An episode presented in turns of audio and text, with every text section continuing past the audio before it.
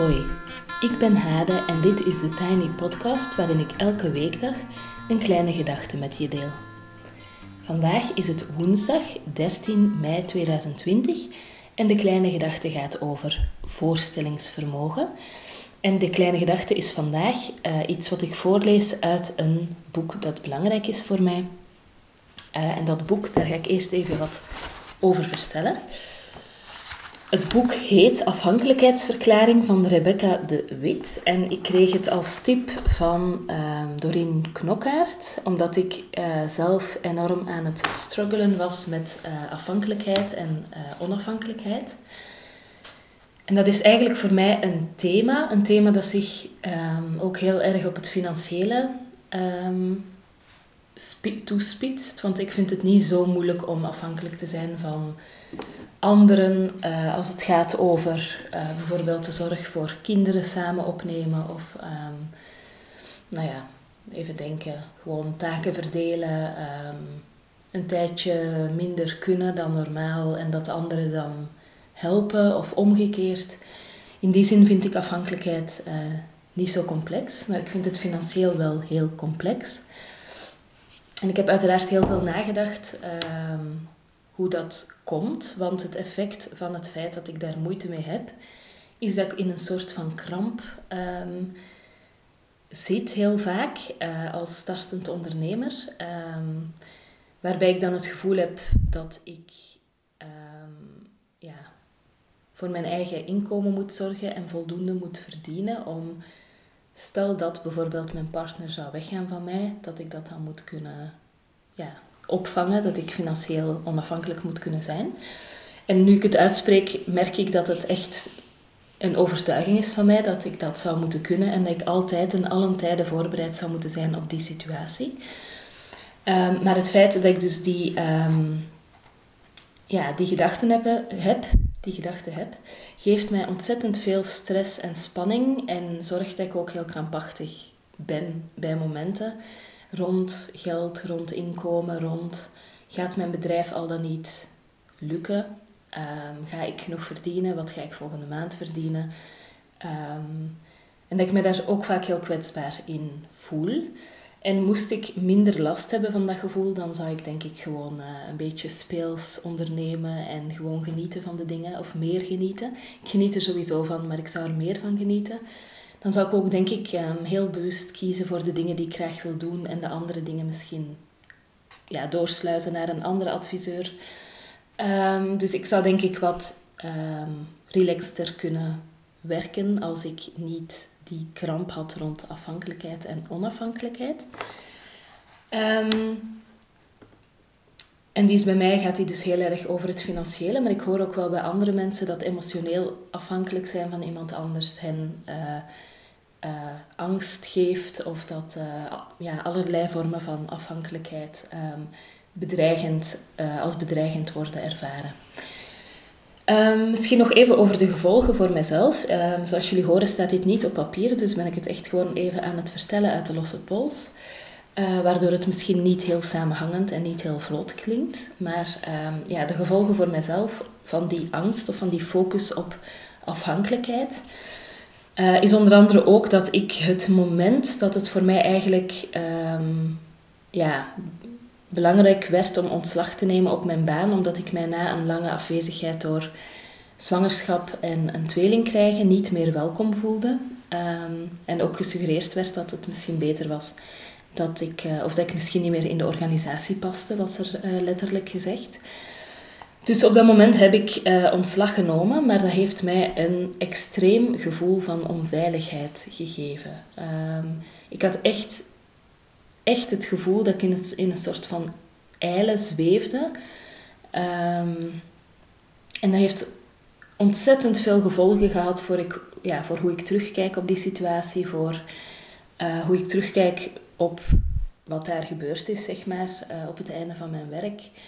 Um, dat heeft heel veel gevolgen ha gehad voor mijn relatie. Ik heb mijn, mijn partner, Pieter, vaak verweten Uh, dat ik door de geboorte van de kinderen mijn baan was kwijtgeraakt, wat dat niet helemaal zo gemakkelijk kausaal te verbinden is.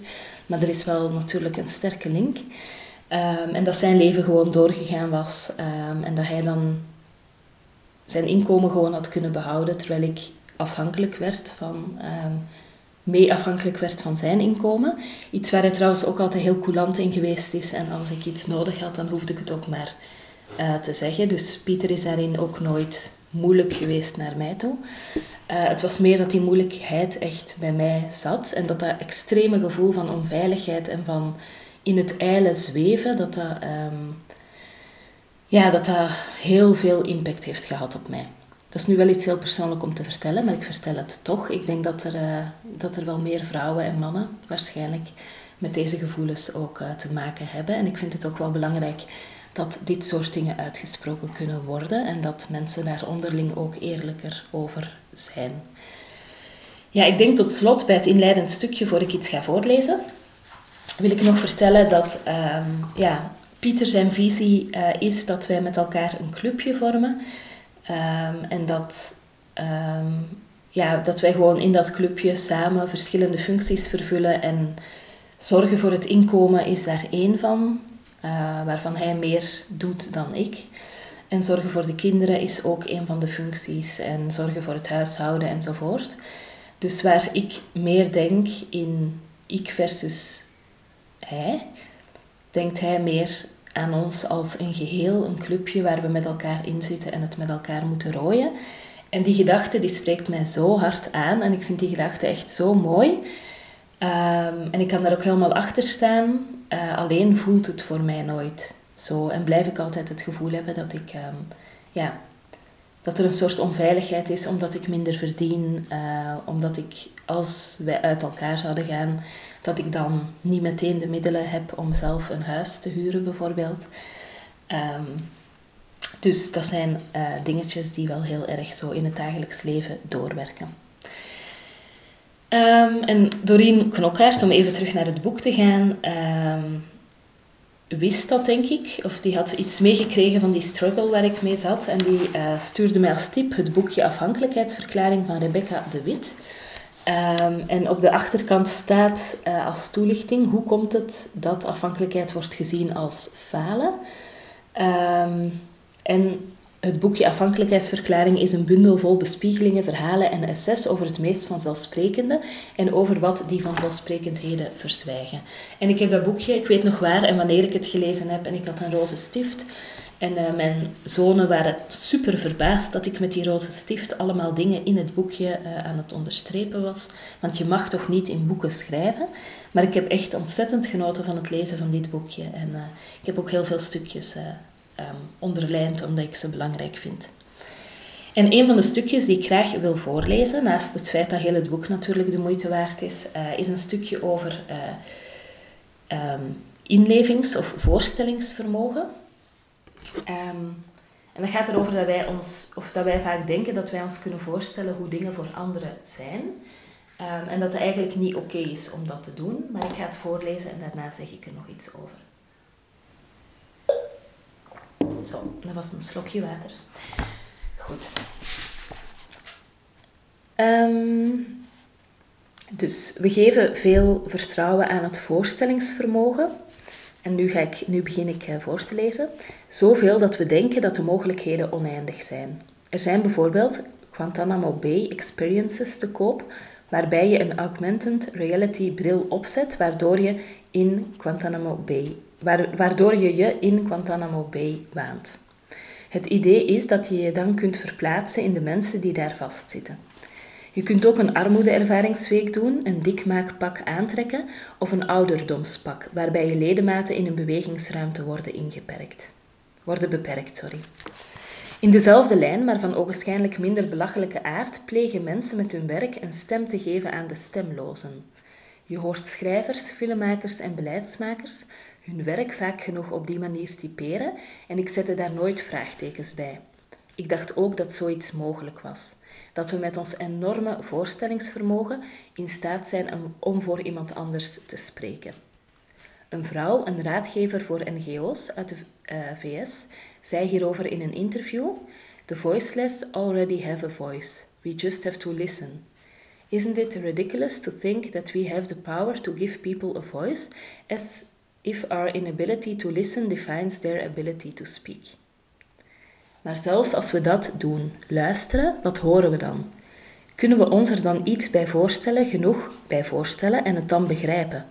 En je zou kunnen zeggen dat er niks mis is met de poging een ander te begrijpen door bijvoorbeeld een armoede-ervaringsweek te doen, maar de ervaring leert dat proberen te begrijpen al heel snel verandert in denken dat je het begrijpt.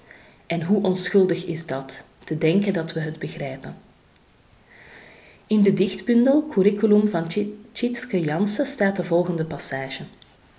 Er was dezelfde dominee tegen wie ik destijds, catechetisatie zei ik kan me niet voorstellen dat God de wereld in zeven dagen heeft geschapen. Dat kan ik me niet voorstellen. Ik wist vrijwel zeker dat de dominee daar net zo over dacht als ik. Dat je die zeven dagen niet letterlijk moest opvatten. Dat je die symbolisch moest zien. Maar ik wilde graag dat hij dat hardop zei, want dat had hij nog niet gedaan en de anderen moesten het ook horen. Ik hielp hem als het ware met mijn stelling. Hij hoefde alleen nog aan te vullen Natuurlijk heeft God de wereld niet in zeven dagen geschapen, dat moet je anders zien. Maar dat zei hij niet. Hij zei: Gelukkig hangt de schepping niet af van jouw voorstellingsvermogen. Ik las de bundel bij verschijning in 2007 en ben sindsdien met deze specifieke passage in gesprek geweest. In eerste instantie voelde ik me betrapt door die dominee. Ik zag allerlei momenten voor me waarin ik met veel bombarie in reactie op iets had geroepen: Nou ja, dat kan ik me gewoon echt niet voorstellen. Ga toch weg. In feite is zo'n uitspraak een manier om niets te zeggen.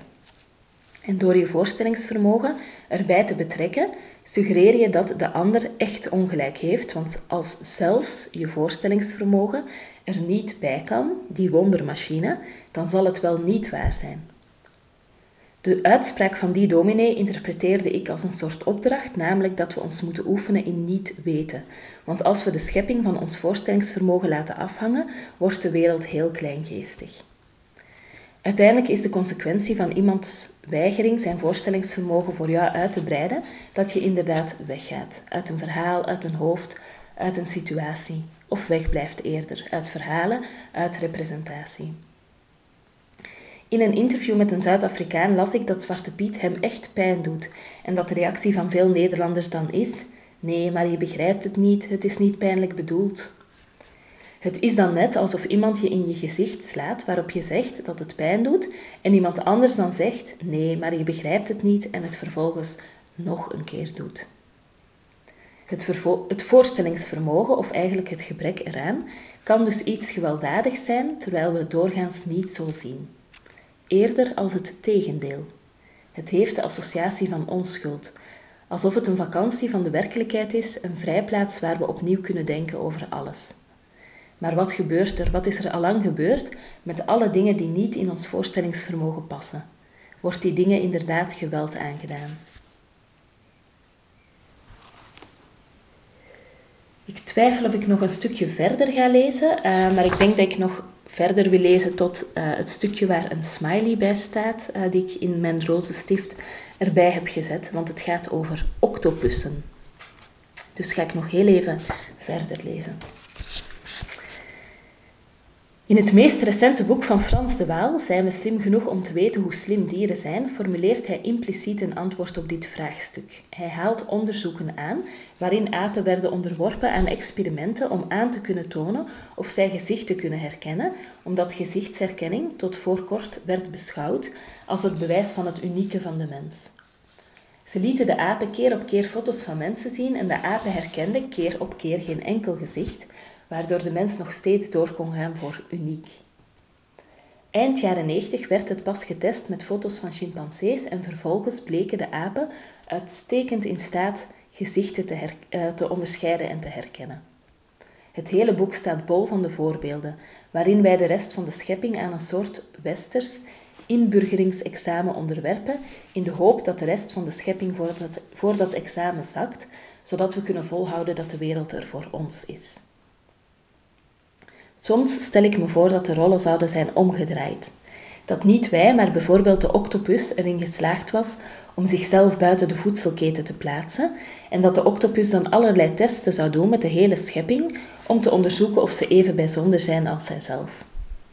Octopussen kunnen bijvoorbeeld op commando in acht verschillende kleuren veranderen en dan stel ik me voor dat alle dieren, inclusief wij, worden getest op de hoeveelheid kleuren waarin ze kunnen veranderen.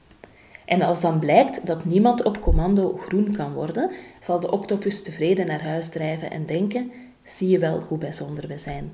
Niemand kan wat wij kunnen. Nou, um, ja, vond ik zelf een echt een heel grappig voorbeeld. En elke keer als ik het lees, vind ik het nog steeds heel grappig. Zo, dat was een stukje uit een boek dat voor mij een belangrijk boek is. Um, zoals ik altijd zeg, um, ben ik ook heel nieuwsgierig naar jullie belangrijke boeken of jullie verhalen. Ik ga binnenkort denk ik een keer een, een pagina maken op mijn website waarin ik een beetje omschrijf welke bijdrage je eventueel zou kunnen doen aan de Tiny Podcast, als je dat zou willen.